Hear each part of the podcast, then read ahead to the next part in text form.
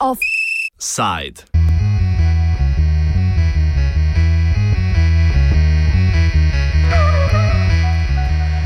Sobanah RTV Slovenija smo v zadnjih dneh priča temeljnim preureditvam. Poleg vedno bolj rumenega programa ter kičastega preobražanja izgleda, ki naj bi apeliral na naše domoljubje, pa spremembe manj odmevno potekajo tudi na ravni zaposlenih. Te se bodi si premešča, bodi si odpušča. Situacijo nam v daljši izjavi opiše en od neposredno udeleženih, Erik Valenčič. Skratka, to, da sem odletel iz RTV-ja, da mi niso podaljšali pogodbe oziroma ne dobim nove, sem izvedel včeraj popovdne preko družbenih omrežij, torej Twitter, Facebook in tako naprej. Ne. Čeprav je bila odločitev o tem, da se mi, da se me vrže iz RTV-ja, pa je sprejeta že v petek, mi do dan danes še nobeden iz vodstva ni povedal točno, zakaj se gre, oziroma nimam še uradnega potrdila. Ne. Um, sem pa to pričakoval, ker novinarji in novinarke na RTV-ju zadnjega pol leta ugotavljamo, da je vodstvo popolnoma izgubilo nek kompas, neko orientacijo, kaj pravzaprav hoče s to hišo. Um, ena od stvari, recimo, ki jih lahko izpostavim, je to, da pač to televizijo vodi direktorica Ljerka Bizil, ki je spiskala 450 tisoč evrov za neko falirano kvazi razvedrilno odajo Neme Hecat. Eh, ne me je, da bi bilo morda bolj primerno ime v tem primeru, ampak po drugi strani ne, se pa v imenu uh, domne, nekega vrčevanja, neke domnevne racionalizacije ukinja marsikaj v informativnem programu in v drugih programih, kulturno-umetniške in tako naprej. Ne. Oziroma napovedane so velike ukinitve. Uh, ena od to, to racionalizacijo, domnevno racionalizacijo vodijo trije ljudje, to so preomenjena Biziljeva, njen pomočnik Bojan Traven in odgovorna urednica Jadranka Rebernik. Ena od, eden od ciljev te racionalizacije, kot ti pravijo, je tudi čistka kritičnih novinarjev. Jelena Aščič ne bo več vodila oziroma ne vodi več dnevnika in poročil. Uh, Helena Milinkovič ne bo vodila več Globusa. Špela Kožar je bila premaknjena iz informativnega programa v uh, kulturni meni pa pač ne bodo podaljšali pogodbe in spisek je pravzaprav še daljši. Če gledam na to iz svojega vidika, potem moram povedati to, da če te odpustijo takšni ljudje, kot sta Bojan Traven in Jadranka Rebrnik, je to k večjemu kompliment za tvoje novinarsko delo. In če je bil zadnji prispevek, ki sem ga naredil za to nacionalko, moje uh, kaj, nedeljsko zrcalo tedna. Mislim, da sem se poslovil v nekem stilu. Tisto zrcalo sem zaključil z besedami smrt fašizmu, svoboda ljudem in odhajam de facto z tega RTV-ja pač z dvignjeno glavo in tako naprej. Mislim, se bom pa tudi odzval na vse skupaj v enem javnem pismu, ki ga bom napisal danes jutri in ga razposlal, da javnosti razložim in javnost opozorim na nekatere stvari, ki se dogajajo na RTV-ju ker to je pač, jaz sem ipak RŠ šola in mi smo se naučili, ta prva stvar, ki te naučijo na RŠ-u, je to, da se seveda boriš za neodvisno novinarstvo.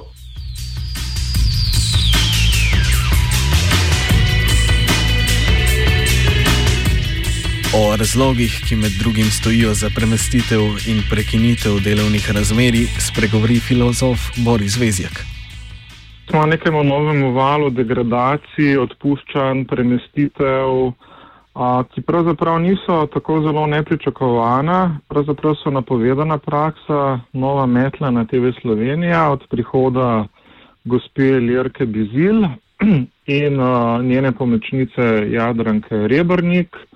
A, tako da trenutno govorimo o vrsti nekih odpovedi ali premestitev k naštetjem bi verjetno lahko dodali tudi oddajo Studio City, ne, Marcela Štefančiča, ki se jo prav tako poskuša ukiniti in nadomestiti z drugimi oddajami in drugimi voditelji, ki naj bi domnevno poročali bolj uravnoteženo.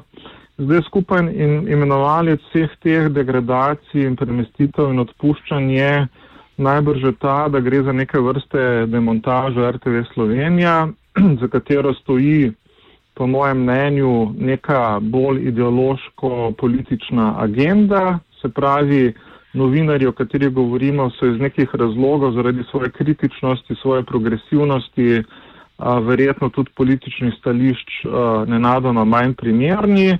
In gre za zamenjavo takih novinarjev za druge, ki so bolj poslušni, bolj obogljivi in očitno bolj primerni.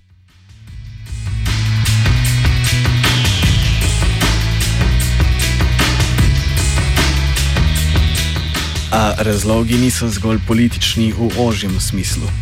Velik pomen ima predvsem usmerjenost televizije v vedno bolj komercialne vode, kar nakaže usporednost preomenjenih procesov, odpuščanja in slabšanja vsebin. Ob tem ponovno Boris Vezjak.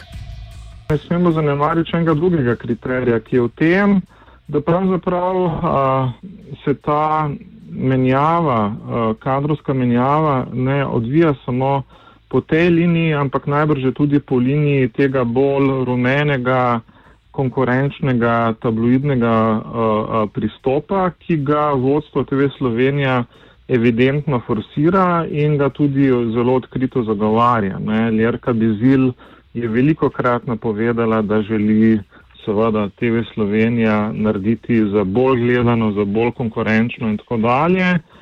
To se pa lahko zgodi samo na podlagi izrazitega približevanja temu a, načinu delovanja, kot ga imajo seveda komercialne televizije in seveda oddaljevanja od klasičnih standardov in pravil, ki bi jim pa javni servis moral biti zavezan.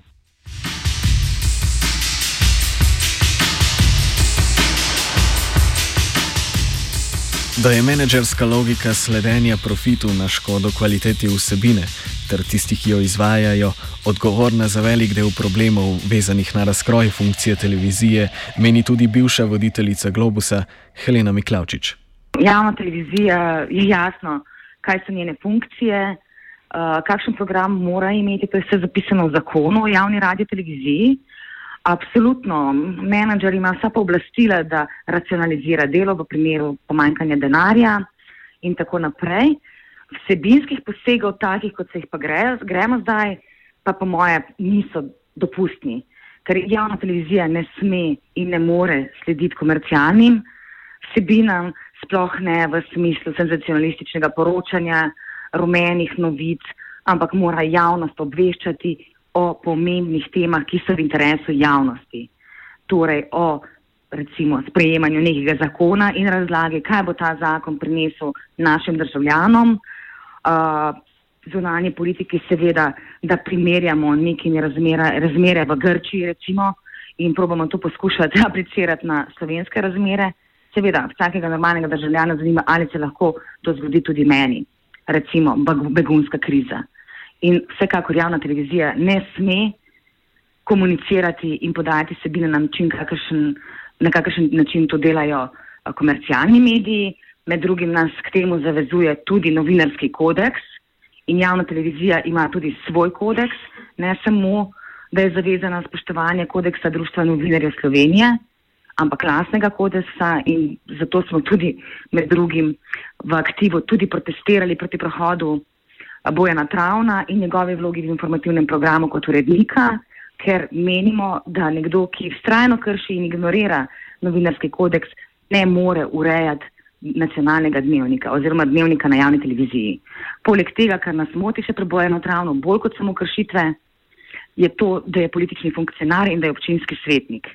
Novinarstvo in politika pač ne morata hoditi z roko v roki, ampak novinar je vedno sovražnik politike in bi moral nad njo bedeti in jo kritizirati.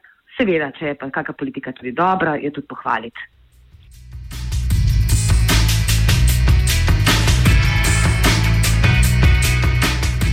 Da je prišlo do stanja, o katerem govori voditeljica Helena Milinkovič, je deloma odgovoren Grimsov zakon, sprejet na referendumu leta 2005, po katerem ima politika velik vpliv v nadzornem svetu RTV. Vlada v skladu z njim namreč prevzame štiri mesta, državni zbor, zaposleni pa le dve v nadzornem svetu. A to spet ni edini razlog, da je odpuščanje lažje, kvaliteta novic nižja ter novinarstvo ob avtonomijo. O njem za konec pregovori Vezjak. Uh, drug greh je enostavno ta, da so se začeli vodilni v vodstvu RTV Slovenija vedno bolj obnašati kot neke dvoživke, ne? se pravi, uh, obnašajo se kot uh, predstavniki države v državi in poskušajo za vsako politično opcijo vedno znova paktirati, po možnosti pa za vsemi. Ne? Tako da imamo pravzaprav res na delo neke vrste bi rekel, paralelno državo, ki namesto, da bi bila od politike neodvisna, se pravzaprav uh, za politiko pogaja, ne? uh, deluje dobesedno na neki meddržavniški ravni. Uh, in končna posledica je seveda ta, da imamo tam seveda kasto privilegirancev, nedotakljivih, da imamo na RTV Slovenija kup ljudi, ki spadajo seveda v razred tako enega prekarijata ne?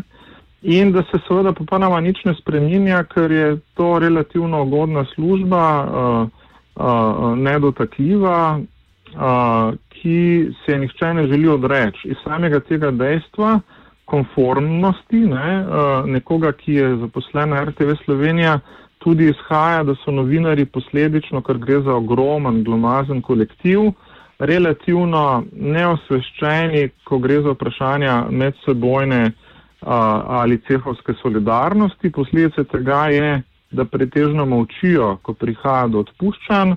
Posledica tega je, da nimajo čvrstih stališč, ko gre za uveljavljanje novega zakona o RTV, skratka nimajo neke posebne hrbtenice. Seveda zdaj delam krivico morda nekim posameznikom in se jim upravičujem, ampak pretežno je moj pogled ta, da novinarji RTV-a, eh, kar spremljam njihovo dogajanje, bil sem tudi v programskem svetu RTV-a, pravzaprav dobene hrbtenice nima.